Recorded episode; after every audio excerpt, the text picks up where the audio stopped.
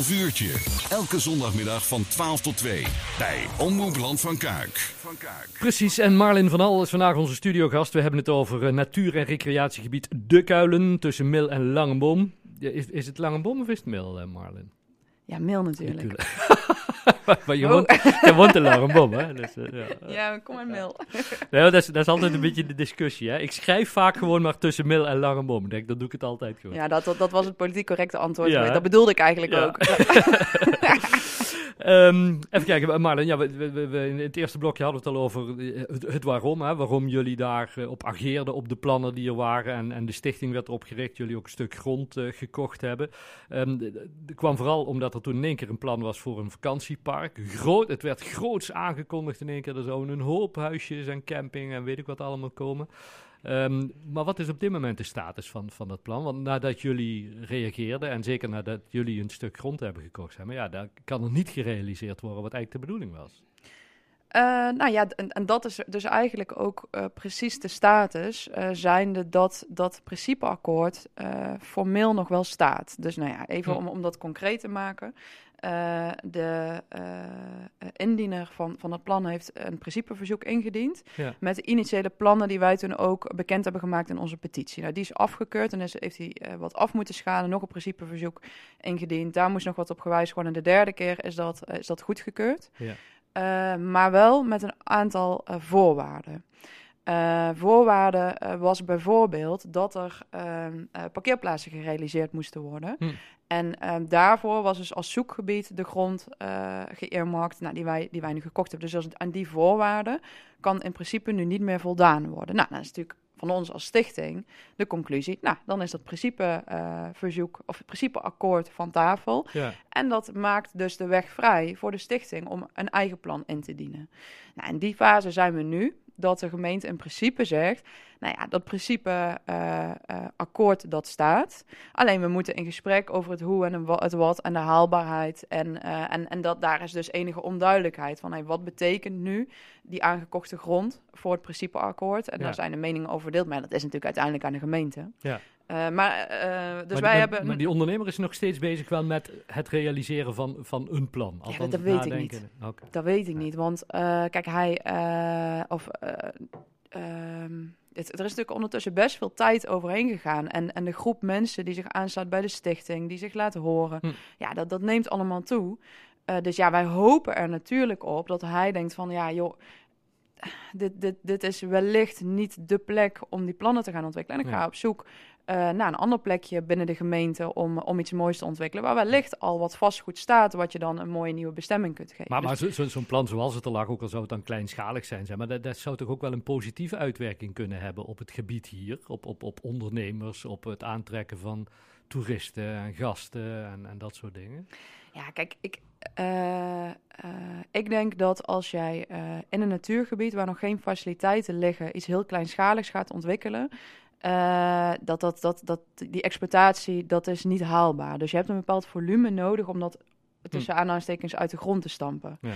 Ehm, of het nu kleinschalig is of wat groter, ik denk dat het prachtig is voor onze gemeente. Ja. Maar ik denk dat als je kijkt naar waarom komen mensen hier op vakantie, waarom komen mensen hier een dagje fietsen, waarom komen mensen hier naartoe, ja, dan is dat omdat we echt een prachtig buitengebied hebben. Als Ja. je kijkt hoe mooi het hier is, eh, eh, de, de, de Tongelaar dat verbonden is met de Langeboomse Bossen, de Ja. Kuilen, eh, de, de Raamvallei, de Ventiekanaal naar Erika.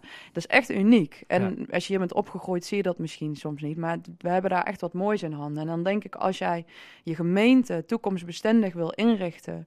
eh, eh, gericht op dus ook een stukje eh, toerisme.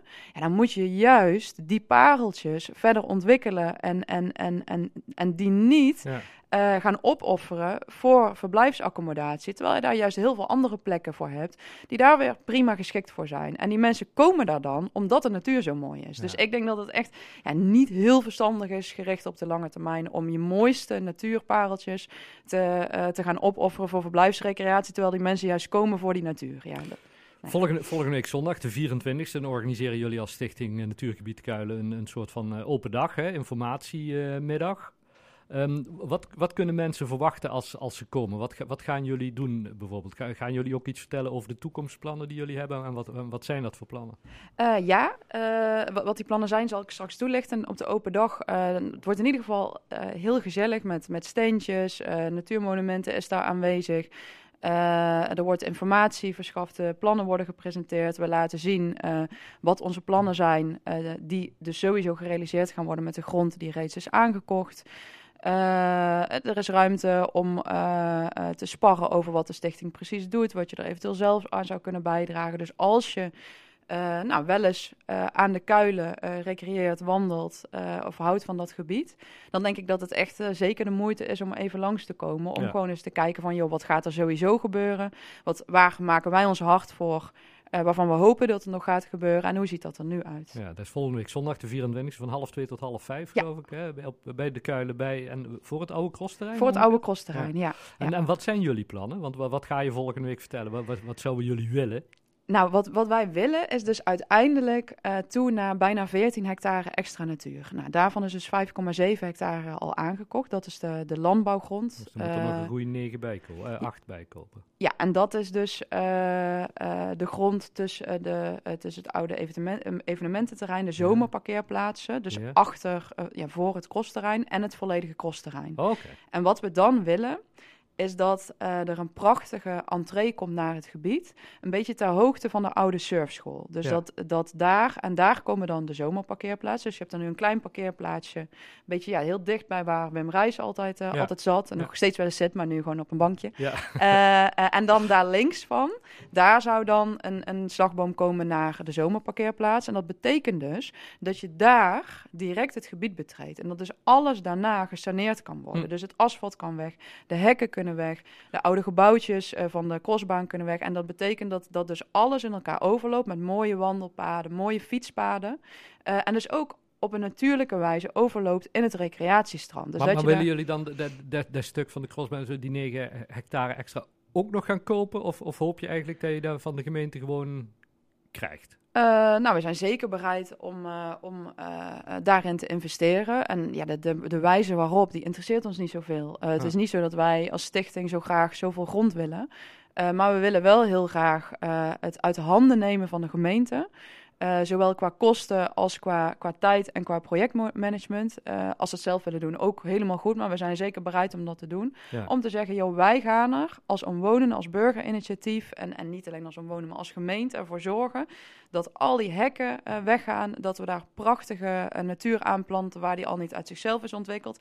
En dat we er mooie paden aanleggen. Zodat de gemeente gewoon kan genieten van, van dat echt ondertussen supermooie stukje Ja.